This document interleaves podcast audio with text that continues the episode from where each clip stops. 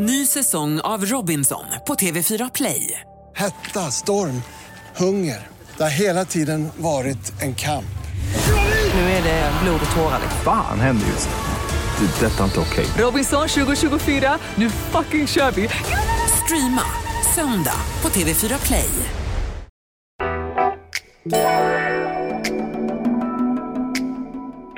Åh! Och svartpeppan ihop med tryffeln. Åh, det är så gott och det är nyrivet och jag börjar nästan gråta. Ett glas gott vin är bättre än två glas dåligt. Jag har hört att man till och med planterar ut viss tryffel för att jakten så att säga ska bli lyckad. Stämmer det? Ja, det gör det.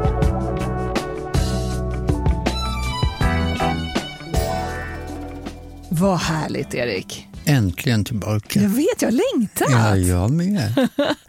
Alltså, jag är så inne i en period just nu där jag bara vill eh, dricka rött vin ur glas utan fot. Ja. Vad hände? Jag har gått från att vara helt motståndare till att liksom totalt omfamnade att hålla glaset med tyngden i handflatan och bara sitta där, nästan som ett whiskyglas liksom, och röra runt det röda vinet. Vad är, vad är det som Underbart. händer? Nej, men det, där, ja, det där är ju en stor käpphäst för mig och har varit sedan 20 år tillbaka. Och alla säger "Nej, jag vill ha med fot, jag vill ha med stjälken.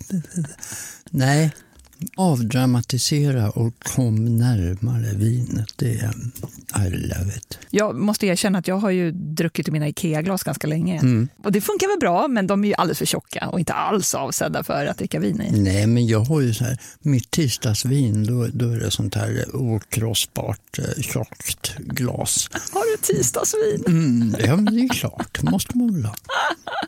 Vad blir det då, då ofta? Mm, då blir det faktiskt um, bag-in-box. Oh. Tro, tro det eller ej. Ja, alltså. men det finns ju jättemycket bra vin på box idag. Det gör det. Och jag tycker man kan välja ett eh, bättre vin även om det då är en box. Så vänta nu, så tisdagar alltså, Mm. när Erik Videgård, oftast när du lagar mat mellan Ja. fem och sju, du lägger två timmar eh, varje dag precis, Stämmer. då tappar du upp lite i det okrossbara tjocka glaset. Ja, Även om det står hur många som helst riktiga vinglas Ja. anpassade för Ja. just den druvan, Ja. även som är i boxen. Men, men vad är känslan som eh, liksom är oövervinnlig där då? Ja, men då är det vardag. Då är det mm, en vanlig vardag och mm, fäst, fästa till den vardagen lite grann. Då får det bli bo- boxvin och um, Duralex-glas. Duralex. Ja, Sen kommer fredagen, då åker finglasen ja fram. då, då blir det finglas, fast utan fot. Utan fot. Ja, men jag- och flaskor med vin. Då. Ja, ja, jag- jag är helt såld på det här just nu.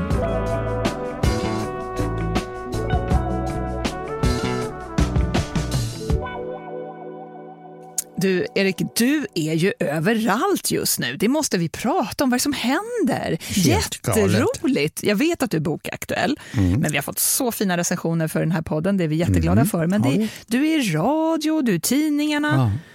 Vad är det som händer? Jag Superstar. Inte. Ja, alltså inte mig emot. Jag är ju lite sådär linslus kanske. Men men titta. radio är ju roligt alltså. Ja, radio är jättekul. Ja, och så får jag utnyttja mitt radioutseende också. Nu gör ju du dig väldigt bra även i tv. Tack så hjärtligt. Men jag tänkte på när du var med hos Titti Schultz i P4 Extra, det är ju att eh, ni pratade mycket om att du faktiskt har lagat mat av några av världsledarna. Utav Medvedev, Putin, eh, Tony Blair, Bill Ja. Clinton. Yes. Eh, vilken era i ditt liv? Kände du själv också att det var, det här är lite större? Eh, Det var faktiskt inte förrän jag kom hem den kvällen efter Blair och Clinton-middagen som jag kände att nej, men nu är jag, nu är jag starstruck. Alltså, det här, vad har jag gjort de senaste månaderna egentligen? Som har fått träffa de här fantastiska, ödmjuka, underbara människorna. Det är en dröm. Men rent matmässigt, de äter ju som vi, eller? Jag kan säga när Blair och Clinton satt och åt, då gjorde Clinton så, han på amerikanskt sätt då skar upp all maten, la ifrån sig kniven och började sleva i sig med gaffeln.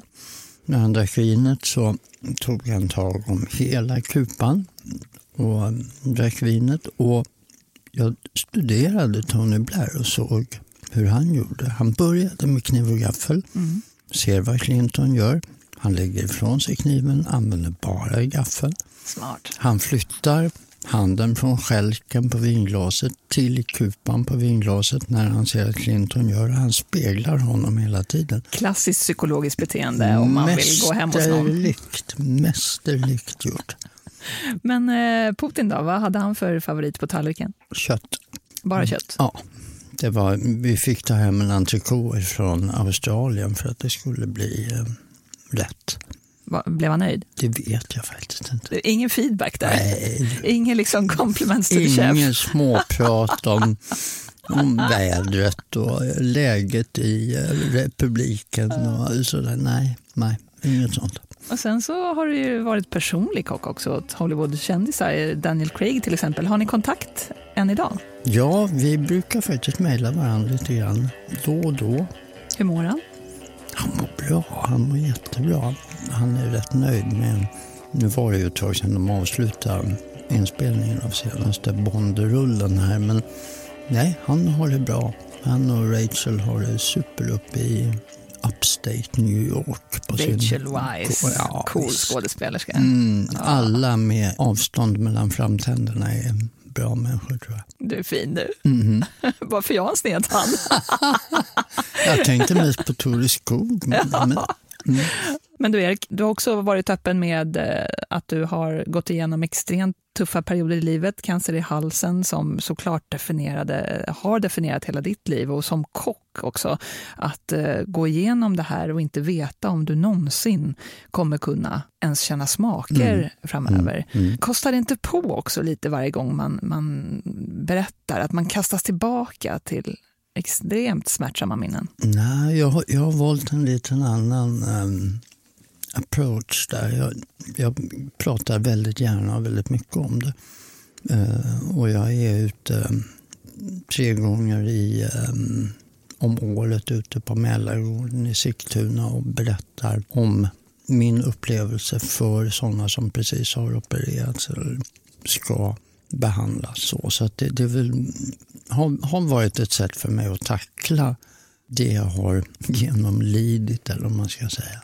För jag tror inte många tänker på det, men när, när, när vi gör tv ihop, eller som för den delen i den här podden, du smakar aldrig maten själv. Nej, jag har, ju, jag har ju koll på att allting smakar som det ska och eh, när jag vet att jag har tid, då smakar jag. Men annars så är det väldigt lätt att, i och med att jag är rätt opererad i halsen, eh, så är det lätt att maten fastnar och jag bara hosta.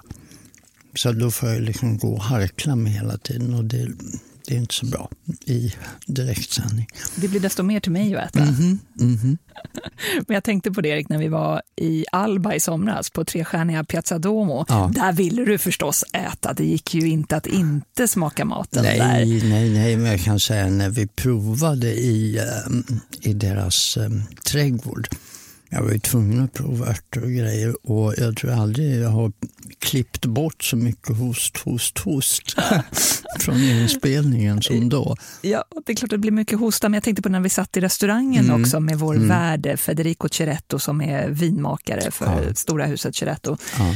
Och det är klart, i de här tiderna, pandemitider, Mm. att hosta oavsett varför, det kändes nästan som att vi måste förklara. Så där gled vi in, från att sitta och prata i princip om ja, lite tomater och råvaror, Mm. så gick vi in på traumatiska händelser i livet för att eh, verkligen förklara va- varför situationen var som den var. Ja. Och då tänkte jag på det, där satt vi Erik.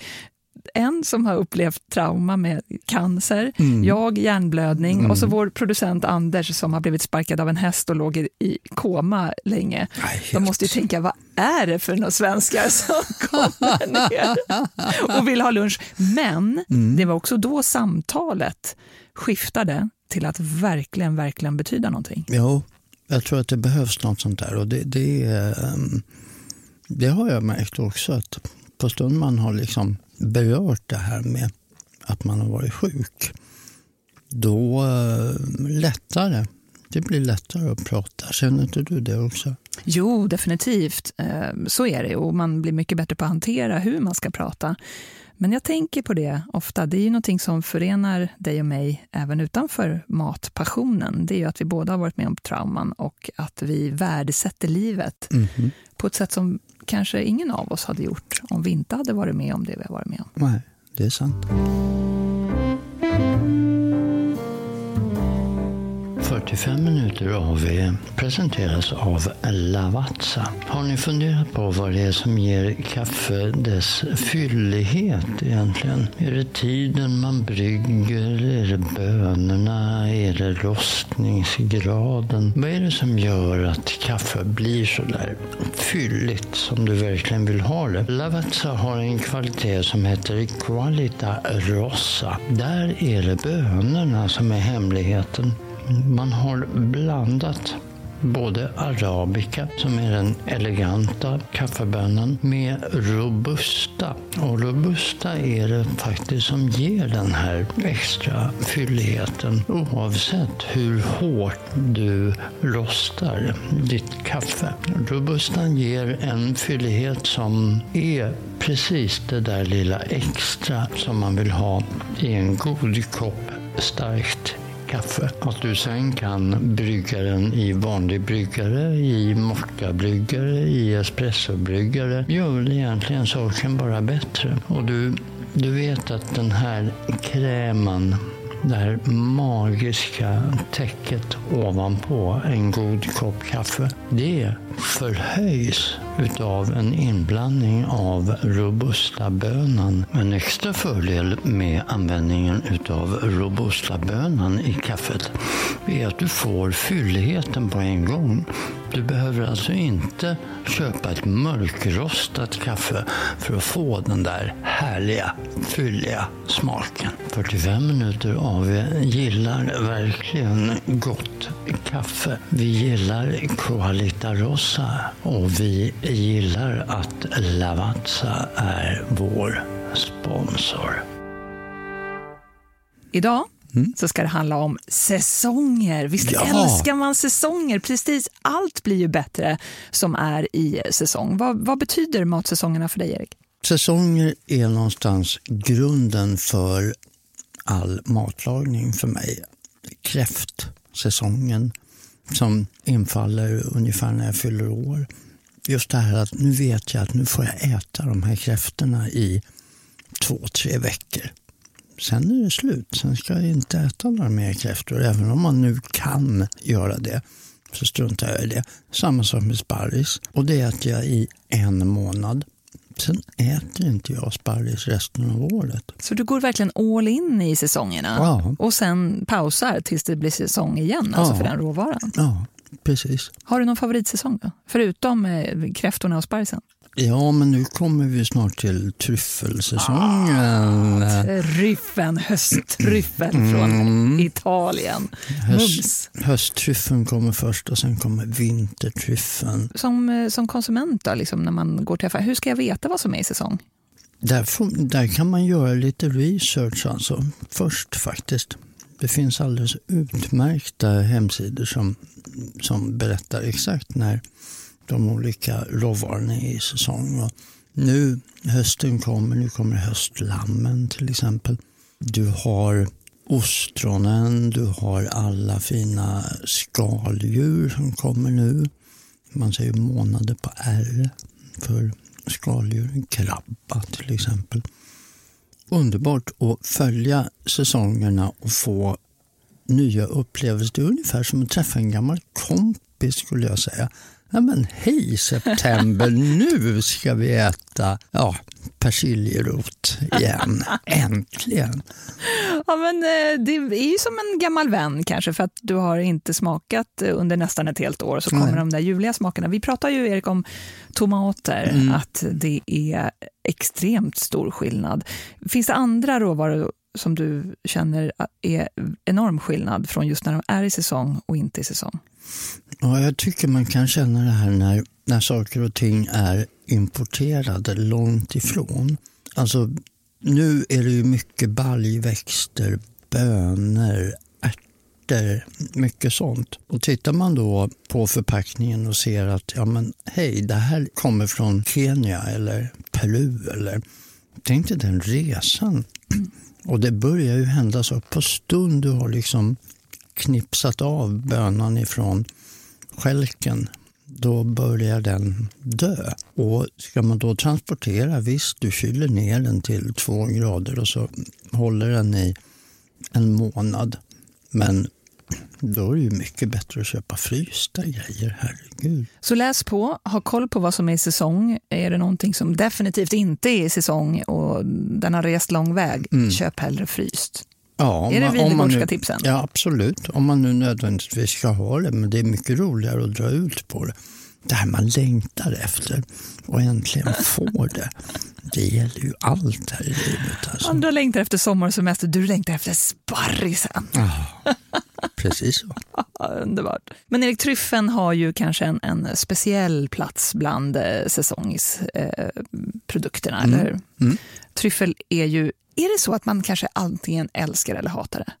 Eller vad, hur tror du gemene mans förhållande till tryffel är? Jag tror att det kan vara lite så. Nu tror jag inte att det är så där som, som med färsk koriander, att, man, eh, att det är genetiskt betingat. Tryffel har ju en speciell doft, en speciell myskig doft och samma sak med eh, smaken. Alltså vi pratar ju umami, det är en svamp vi pratar om. Den har ju en förmåga att lyfta andra smaker till oanade höjder. Men bara för att vi ska liksom måla upp skalan här, för idag finns det ju tryffelchips, det finns tryffelbea, det finns tryffel hit och dit. Ja, Och så finns det färsk tryffel. Och så finns det riktig du, riktig tryffel. tryffel som du Ja. kan eh, hyvla på. Om du skulle beskriva skillnaden i smak från hyvlad färsk tryffel och eh, tryffelolja kanske? Ja, alltså det, det, är så, det är så olika så att det, jag har jättesvårt att hitta någon... För det är, det är en sån diametral skillnad. Alltså, det är sån extrem skillnad. Det är, tänk dig att du sitter mitt i en symfoniorkester som spelar ditt favoritmusikstycke. Och så får du sitta mitt i symfoniorkestern och så får du lyssna på det här.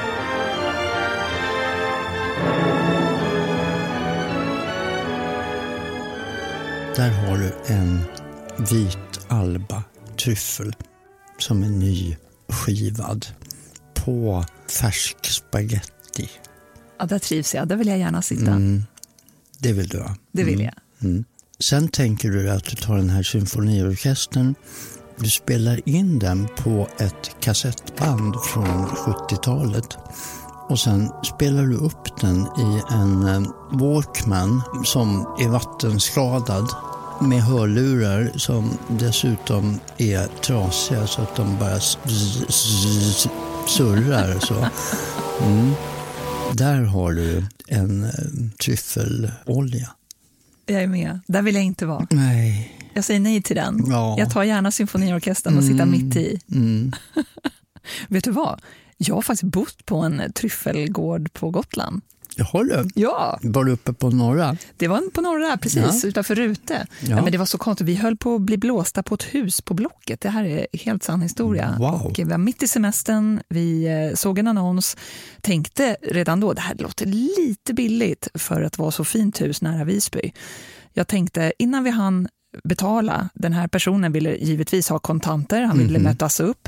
Eh, och vi mötte upp, fick nyckeln, men skyllde på att vårt bankkort inte funkar. På den tiden gick det fortfarande att göra det här var innan Swish fanns. Ja, ja.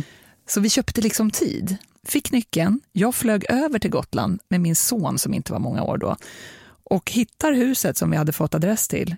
Och nyckeln funkar inte förstås och huset är helt tomt. Och där och då inser jag, vi har blivit blåsta, ringer hem, betala inte en krona, det här är en Nej. bedragare. Ja. Vi ringer upp numret, finns inte såklart. Nej, men, Så som tur var, vi hann inte betala någonting, men vi hann inte heller göra en polisanmälan och Nej, eh, nej. se till så att ingen annan blev, blev drabbad.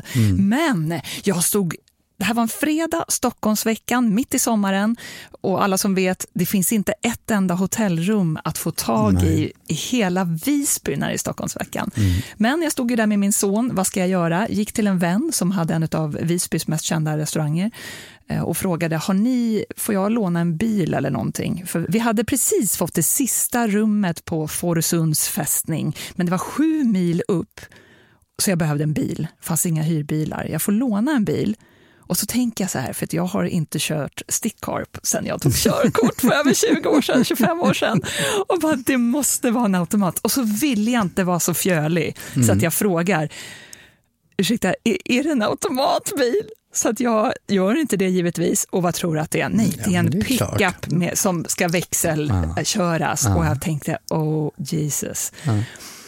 In med min son i bilen, får motorstopp fyra gånger på parkeringen. Mm. Och vad händer mm. när jag har kört en halv kilometer? nej, det finns ingen bensin i bilen. Oh, jag måste köra in och tanka. Oh, Håller på att bli påkörd när jag ska ut för att jag kan, inte, jag kan verkligen inte manövrera den här bilen och mm. får panik. Men får igång den. Mm.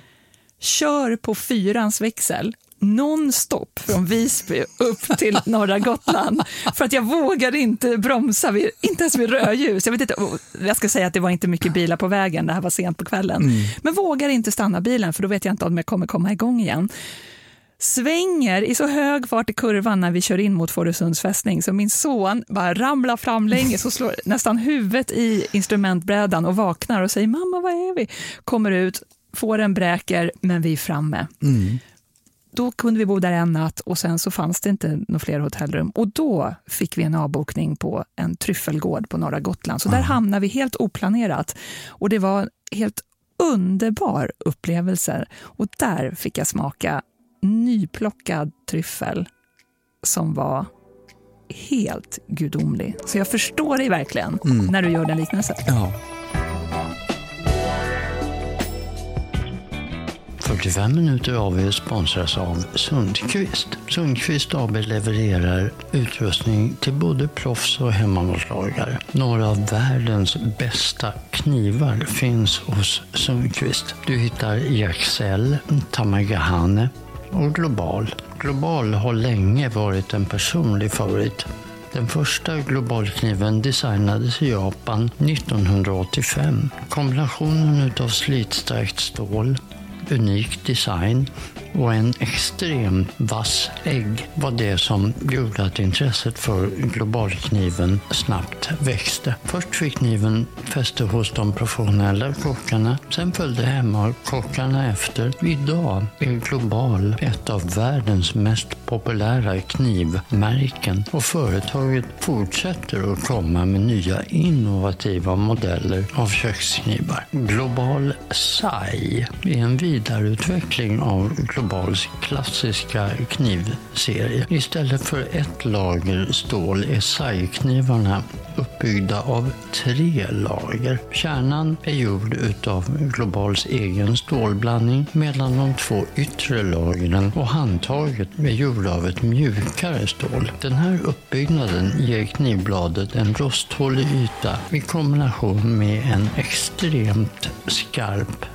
ägg. Svetsen mellan blad och handtag blir dessutom extra stark eftersom de yttre lagen och handtagen är av samma stålsort. Sai betyder i ögonen fallande på japanska. Det är ett passande namn för den här serien. Den utmärker sig med en unik hamrad finish. Knivarna har även mycket ergonomiska handtag. Mellan skaft och blad finns en försänkning för tummen. Det här ger ett stabilt och avslappnat grepp. För att ge sajknivarna en perfekt balans i handen är skaften dessutom fyllda med sjösand. Jag gillar Global, jag gillar Global Sai och vi på 45 minuter AV gillar Sundqvist.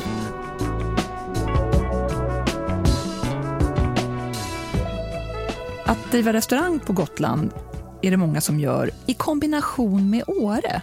Precis.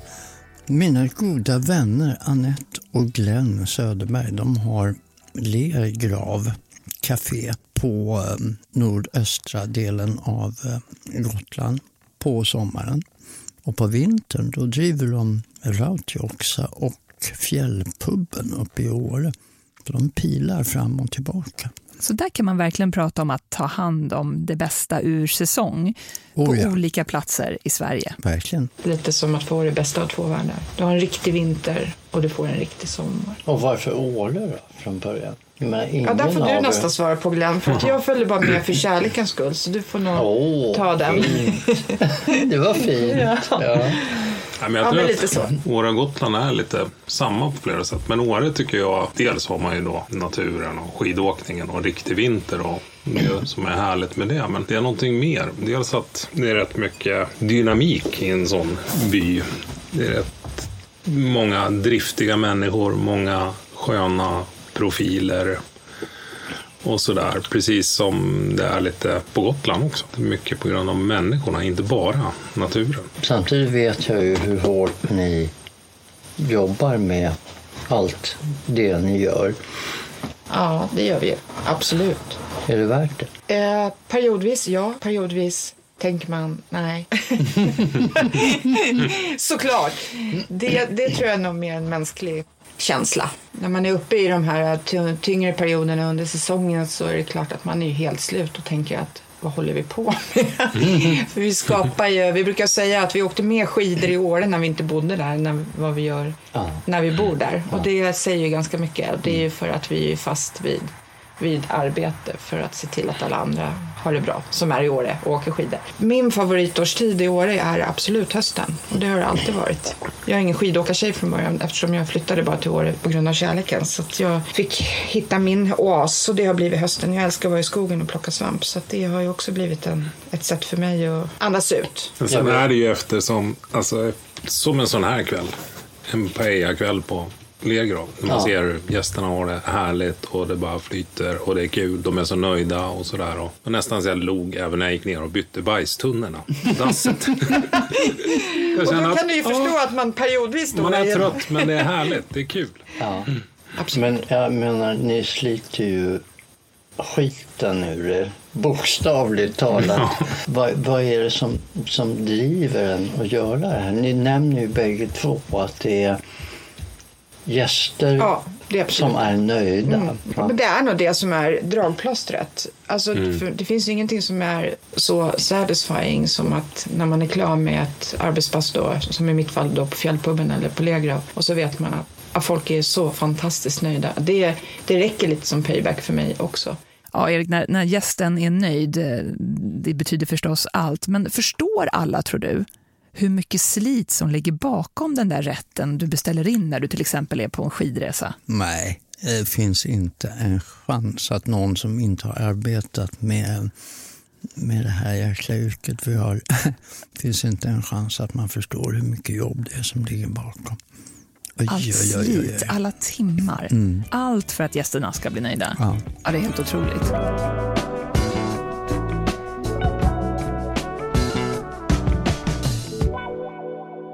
Och när vi pratar tryffel då, en av världens bästa tryffel kommer ju från italienska Alba där vi varit. Och det är snart verkligen högsäsong för den italienska tryffeln. De ätbara tryfflarna de tillhör en familj som heter tuber. Det finns tuber magnatum som är den stora vita härliga tryffeln som är världens dyraste tryffel. Alltså upp till säg 50 000 kronor kilo. Åh herregud! Mm. Och mer än då ibland. Man hittade en vit tryffel som var på 1,9 kilo. Stor som en amerikansk fotboll. Det är, ju- det är nästan mer än guld. Ja, verkligen. Och då såldes den på auktion för sådär 500 000 svenska. Ja, Då gillar man tryffel, verkligen. om man köper. För den håller ju inte evigt. Nej, eh, man räknar väl efter att du väl har fått hjälp av din hund här och gräva upp den, för det är enda sättet att hitta den. Det yttre höljes av tryffeln har en väldigt speciell doft. Och det är det som hundarna hittar. Och de hittar dem när de är mogna. Det är det som är lite knasigt. För om man skulle gräva upp en tryffel själv och få hitta rätt av någon anledning, då kan du inte bedöma om den är mogen eller inte. Ja, du ser inte det på tryffeln alltså? syns inte på den. Men Men, hunden hunden, känner känner- det. Ah. De känner när den är mogen. Det är fantastiskt. Och då är man i Italien, är man i Alba, då plockar man antingen perigordtryffel eller vit tryffel. Men undrar hur mycket eh, tryffelsäsongen färgar en region som Alba, som har en av världens bästa tryfflar. Jag tänkte, ska vi ringa upp någon som verkligen vet? Ja, men det gör vi. Ja, vår kompis Ulrika Ferdin som Ulrika! ju var vår guide också när vi var i Piemonte. Vi får se om hon svarar här. Ulrika? Hej Ulrika, det är Jenny och Erik. Hej! Hej, hur mår du? Jag mår bra, hur mår ni? Ja, vi mår jättebra. Vi sitter här och pratar om säsonger och om tryffel framför allt. Och då tänkte vi att vi ringer upp ett riktigt, riktigt proffs som, som jobbar med just de här säsongerna, eh, både i mat och vin. Det är du! Kul! Ja, du Ulrika, snart är det ju högsäsong för tryffeln i Alba. Älskar du den perioden eller hatar du den? Oj, det är, så här, eh, det är lite blandat faktiskt. Um, jag älskar tryffel uh, och jag älskar människor och det kommer ju folk från hela världen då. Men ibland så kanske det blir lite väl mycket uh, människor om man säger så. Ja, jag förstår. man bor i Alba själv. Men det är klart jag gillar det. Men då, då, händer lite. har du själv varit med på några av de här tryffeljakterna? Och när brukar de ske? Ja, men det har jag. Um, och det sker ju med hund och Eh, enligt lag så får man börja leta efter den, den vita albatryffeln då, den eh, 21 september. Um, och så får man leta ända fram till uh, 31 januari. Men det är inte alltid det brukar hålla på så länge. Men att det, blir, det blir kallt och marken börjar frysa och ibland kommer lite snö. Så då blir det svårt för, för hundar att, att gräva i marken. Men uh, jag har varit med flera gånger. det är ganska roligt faktiskt. Jag har hört att man till och med planterar ut viss tryffel för att jakten så att säga ska bli lyckad. Stämmer det? Ja, det gör det. Uh, Va? Det är det sant? ja. Det är ju fusk! Det, vem det, är. det är inte alltid man hittar och det kanske inte är så kul för de här stackars turisterna som kommer. Så det är ofta man, när tryffeljägaren, han går och lägger ut tryffel, kanske tre, fyra stycken lite olika, en timme innan. Och sen så hittar man surprise, surprise. Ulrika, vi är helt chockade här, jag och Erik. Nej då, jag skojar bara. Men, eh, men vad tycker du, hur ska man tänka då om man vill komma och besöka och verkligen vara med på riktigt? Hur ska man efterfråga sin, sin tryffeljakt då? Jag tycker det bästa är Eh, och komma så sent som möjligt egentligen på säsongen. Typ slutet på november, då är det lite mindre folk, tryffeln är tio gånger bättre, priserna är mer stabila. Ehm, så då tycker jag verkligen att man ska komma. Och sen, jag personligen tycker egentligen inte det är något fel på att gå på en tryffeljakt som är de har planterat ut tryffeln. Då hittar man i alla fall någonting. Då får man i alla fall eh, smaka och kanske köpa med sig någonting hem. Ja, jag håller med. Ja, men, men, precis. Det är jag, lite det man vill. jag älskar att du ändå är uppriktig och ärlig, Ulrika. Du är bäst. Tack snälla för att vi fick prata med dig. Tack själva. Du, vi längtar efter dig. Vi kommer snart tillbaka och hälsa på. Detsamma. Härligt, det hoppas jag. Ni är välkomna. Tack. Hej då! Hej då! Åh, vad hon är underbar. Ja, men jag visste det. Erik, eller hur? Det har ju gått som ett rykte men, och jag visste inte om vi kunde tro på det, men Mm. ja, Ja, någonstans men det- visste vi ja, att ja, det är så ja. det går till. Ja. Ja, nu blir man ju hungrig när man pratar om eh, tryffel. ja, men ska vi inte ta och äta lite tryffel? Det tycker jag vi gör. Är det dags att laga mat? Nu lagar vi mat. Ja!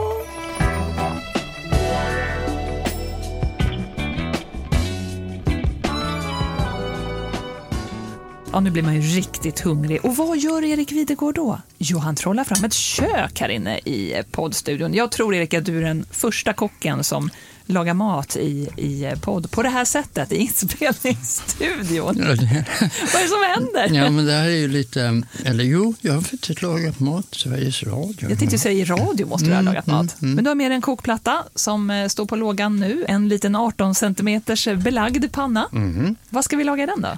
Du, jag tänkte göra äggröra Åh, vad gott. och sen ska vi ha tryffel då till den och lite potatis. Äggröra är ju jätteroligt och gott. Och hur gör du din äggröra? För det här är ju otroligt viktigt. Vispar upp ägg, salt, that's it. Lite olja i botten på pannan. Sen häller jag i ägget och låter det koagulera på rätt låg värme. Och när du säger rätt låg, då menar du liksom, om man har upp till 10, då är det liksom trean. Ja, fyran, Fyran. kanske till och med. Ja. Sen drar jag runt äggen så att de flockar sig nästan kan man säga. Ja, men jag ser, du, du brukar säga till mig, vi har gjort äggröra någon gång tillsammans förut, Ja. och då lärde jag mig av dig att man ska, du sa att man ska flejka den, och först fattade jag inte riktigt vad du menar. Men det är ju precis det du gör nu, du låter ägget koagulera, Ja. och sen så drar du med sleven, så Ja. att det inte fastnar givetvis, men du, du vispar liksom inte omkring det. Nej, utan jag låter det fastna och sen drar jag isär den och sen när den är där, tycker jag, då tycker jag man har en perfekt äggröra. Men nu är den pytte, pyttelite lös i innersta mitten. Ja, den är lös, men det här kommer att fastna sen. Vadå, så den sätter sig liksom när du har stängt av? den sätter sig på, på grund av eftervärmen. Då har jag tagit lite potatisar. Mm. här. Kokt potatis? Kokt potatis som jag har ångat. Ja, men jag fattar inte. Först, kokar du den först och sen ångar också Nej. on top of it? Utan Nej. du ångar bara? Ångar bara. Så det ligger, potatisen ligger aldrig nere i vattnet? Nej, det är ångan som tillagar. Mycket snällare sätt att tillaga på. Men tar det lika lång tid? Samma tid, ja. Men du som har lärt mig att man ska salta först och sen så ploppa ner när det kokar och sådär. Så jag kan hoppa över alla de där momenten Nu alltså. vänder vi om det här lite grann. Nu skär jag upp några skivor utav potatisen för jag tänkte ha den i botten här. Så vi skivar den ångade potatisen i, eh, ja, de är, vad är de, en halv centimeter. Och sen så lägger Erik potatisskivorna i en skål i botten. Sen tar jag lite olivolja Mm. på. Som du sprayar på. Mm. Är det överkurs eller blir det bättre tycker du? Ehm, Kan man inte bara ringla liksom i flaskan? jo, det kan du göra. Det kan du göra. Men jag valde att spraya. Ja, det är klart.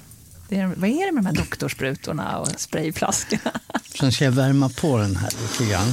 Alltså, har du brännaren med dig? Jaha. Jo, men vi är ju liksom i... Nu är det under fältmässiga förhållanden här så då, använder vi lite andra verktyg. Men varför bränner du av den?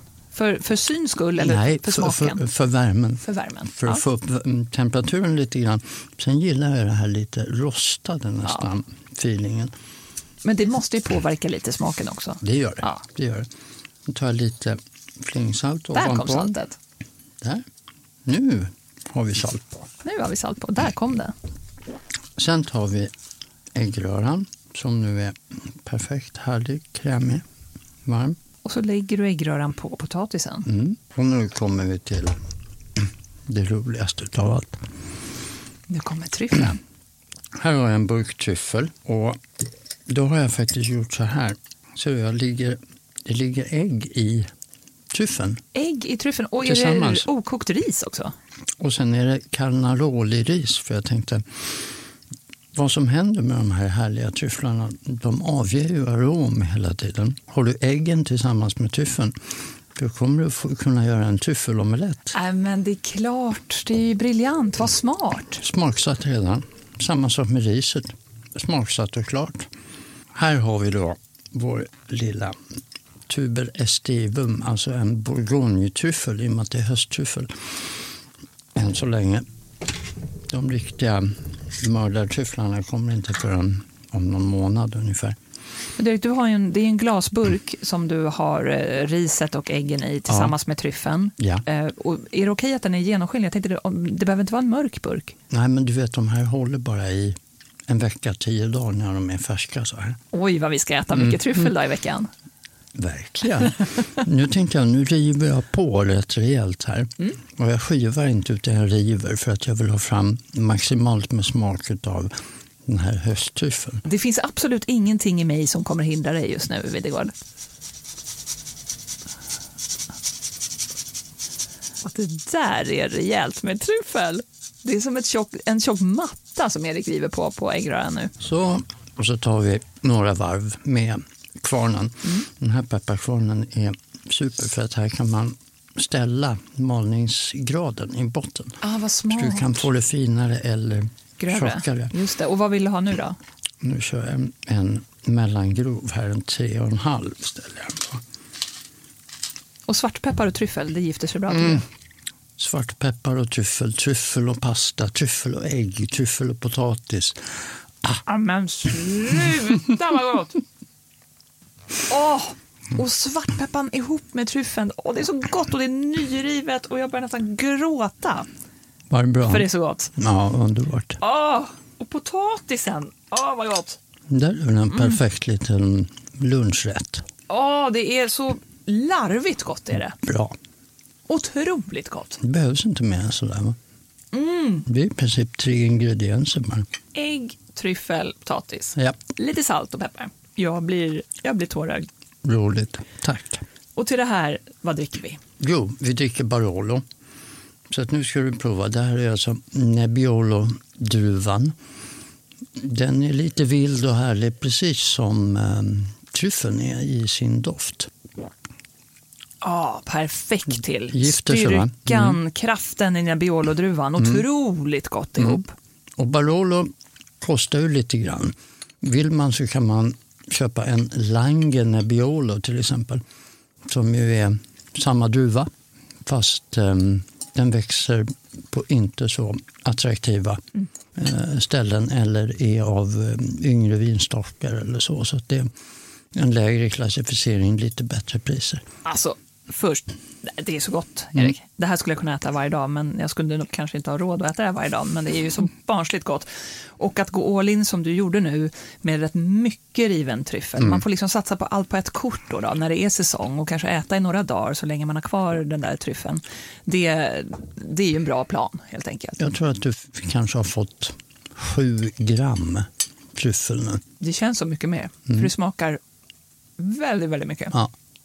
Vill du ha mer? Jättegärna. Mm. oj, oj, oj. Nu smakade jag en Barolo 2016. Mm.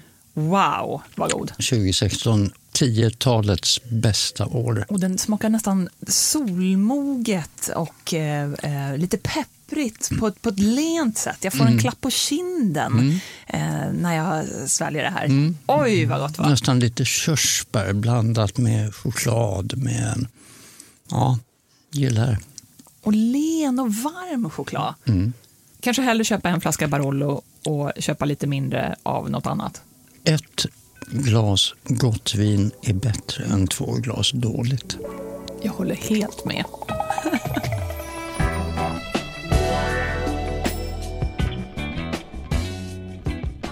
45 minuter AV är sponsrat av The Wine Agency och Valid Wines. Idag ska vi prata om några av vinvärldens giganter, nämligen Barolo. Det första vinet är en Borgogno Barolo Reserva från år 2012. Ett alldeles utmärkt år. Druvan heter Nebbiolo och smakdimensionerna här rör sig mellan mörka körsbär, torkade rosor, violer, choklad, tobak, salvia, tryffel och fatlagring. Lång, härlig, nyanserad eftersmak. Borgogno Barolo Reserva har artikelnummer 2443 och finns i Systembolagets fasta sortiment. Från producenten då har vi en Barolo 2016 och 2016 var 10-talets främsta årgång. Det här är ett supervin Verkligen. Barolo 2016 från Ceretto har artikelnummer 75071.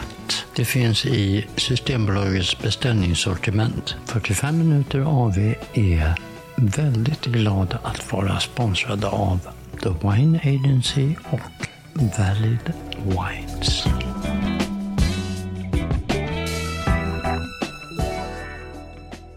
Vi har ju någonting som vi kallar för I köket, Erik. Och idag ska det handla om stekpannor, tänkte jag. Ja, men vilken bra tanke. Ja, men det, det är ju en uppsjö. Det, är det finns ju hur mycket som helst. Ska jag ha gjutjärn, rostfritt, teflon? Hur tänker du kring stekpannor? Ja, just teflon använder man ju nästan aldrig Okej, längre. Okej, men jag gör det. det finns väl såna här jättebilliga pannor Ja, som, ja. som börjar flaga.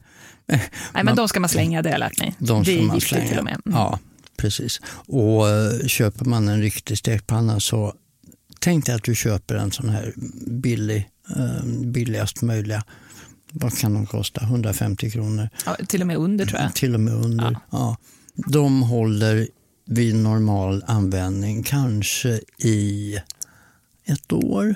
Så. Stekpannor, riktiga stekpannor, riktiga gjutjärnspannor.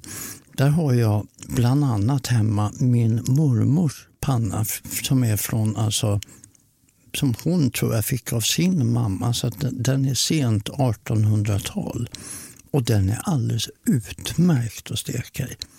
gjutjärnspanna. Nu är gjutjärn kräver lite omsorg. Du behöver olja in den, du får aldrig diska den med diskmedel och så vidare. Men om du underhåller en sån panna och, och steker, du får sån fin stekyta. Ja, men jag förstår och, och det är klart att, att eh, man skulle vilja laga mat så. Men om, om jag nu är helt ärlig, det handlar mycket om tid också, framförallt när barnen var yngre. Mm. Och det var så smidigt med den där teflonpannan. Den ja, var lätt att laga mat i och, det, och ibland till och med, nu erkänner jag, in i diskmaskinen.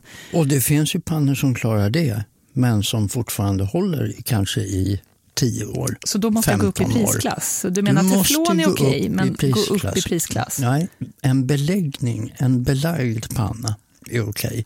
Okay. Teflon använder man inte. Okej, okay, det kanske är beläggd jag menar, fast jag, jag säger teflon. Men ja, det är två helt olika saker, men det ser ju likadant ut. Teflon är ju ett varumärke. Just det. Mm. Men en belagd panna och så finns det en massa olika beläggningar. om ah. säger så. Men har du en bra belagd panna, den kan du diska med diskmedel jag skulle inte rekommendera att sätta den i diskmaskin. Nej, okej. Okay. Jag, var, jag var ehm, extremt stressad, skyller jag på. Mm, mm, det är okej. Okay. Har du en belagd panna så kan du med moderna beläggningar till och med använda alltså metallredskap i dem. Jag brukar föredra att använda trä eller plast framför metall i belagda pannor. Men det är mer en känsla Liksom. Men om jag nu har eh, kanske flyttat eller renoverat köket och sen så har jag gjort mig av med allt det extremt gamla som jag har mm, kört i min mm. diskmaskin och så ska mm. jag stå där och så ska jag köpa nytt. Jag har ingen budget på, på 10 000. Men Nej. vad skulle du rekommendera till vardagsmatlagning att jag köper för stekpannor?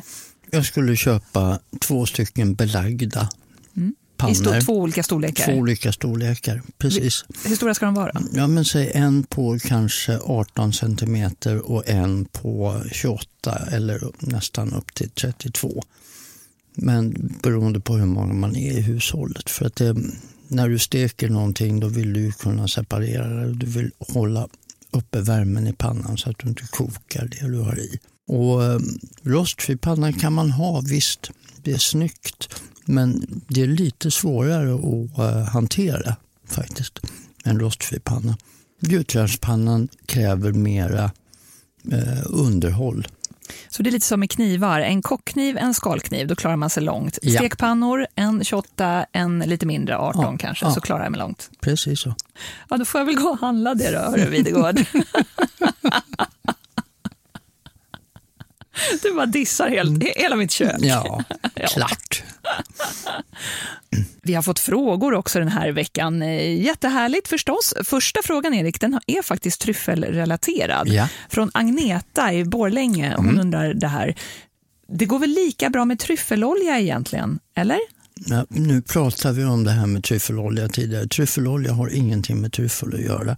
Tryffelolja är i 99 fall av 100 fusk. Det är kemiskt framställd substans som jag tycker smakar diskmedel med tryffelsmak. Bä. Jag tycker du var lite otydlig där vad du egentligen kände. Tycker du? Nej, jag skojar. Kan ta i ännu det, mer. Jag tror att det är ganska tydligt. Okej, okay, men tryffelolja är egentligen bara bluff alltså? Ja. Mm. Helena skriver så här, vilken olivolja skulle ni rekommendera som den allra godaste? Det där är ju som restaurangupplevelser. Vilken är den godaste? Jag menar, vad skulle du använda den till? Jag kan väl säga nu, i, eh, nu går vi mot hösten, oktober, november. Då kommer den nypressade olivoljan, Novellon, som är intensivt grön. Handplockade, knappt mogna oliver som sen är pressade till en jungfruolja som verkligen är ultra extra virginer får man säga. För mig är det en upplevelse varje år. Men var hittar jag den då? Den finns, kommer att finnas i eh, butik snart. Står det verkligen Ultra Extra Virgine? Då? Nej, det står Novello. Det står Novello till och med? Det står Novello ja, men Då vet jag vad det innebär. Mm. Och jag ser olivolja, extra virgin olivolja, ser jag som en krydda. Använder den på samma sätt som salt och peppar och så. Det är på samma sätt som om du steker kött. Då använder jag absolut inte olivolja. Det blir för bäst. En finare, för att det mm. blir bittert bäst. Den klarar mm. inte temperaturen. Eh, så där använder jag rapsolja. Men Sen kan jag tillsätta, mot slutet av stekningen, kan jag tillsätta smör som en smaksättare. Och även, om man vill det, olivolja. Men då använder jag det som en avslutning så att den bara hettas upp lätt. Men tänk på det som en krydda. Det var ett jättebra tips. Ja. I nästa avsnitt då ska det handla om temperaturer på maten. Vi gör säkert tusen fel i vardagen och Erik kommer berätta vilka. Och så ska det handla om temperaturer på vin, extremt viktigt för smaken. Vi ska tillbaka till Italien där vi träffar vinhuset Borgognos arvtagare Andrea Farinetti. Borgogno som är ett av de äldsta vinhusen i Piemonte och Andrea är en av de coolaste vinmakarna. Och en av de mest moderna och smarta. Ni ska få träffa honom. Det blir underbart nästa vecka.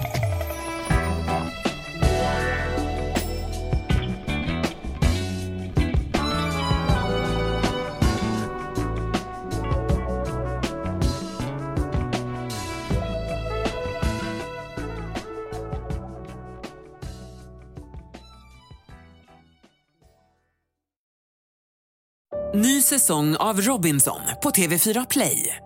Hetta, storm, hunger. Det har hela tiden varit en kamp. Nu är det blod och tårar. Fan händer just nu. Det. är Detta är inte okej. Robinson 2024, nu fucking kör vi! Streama söndag på TV4 Play.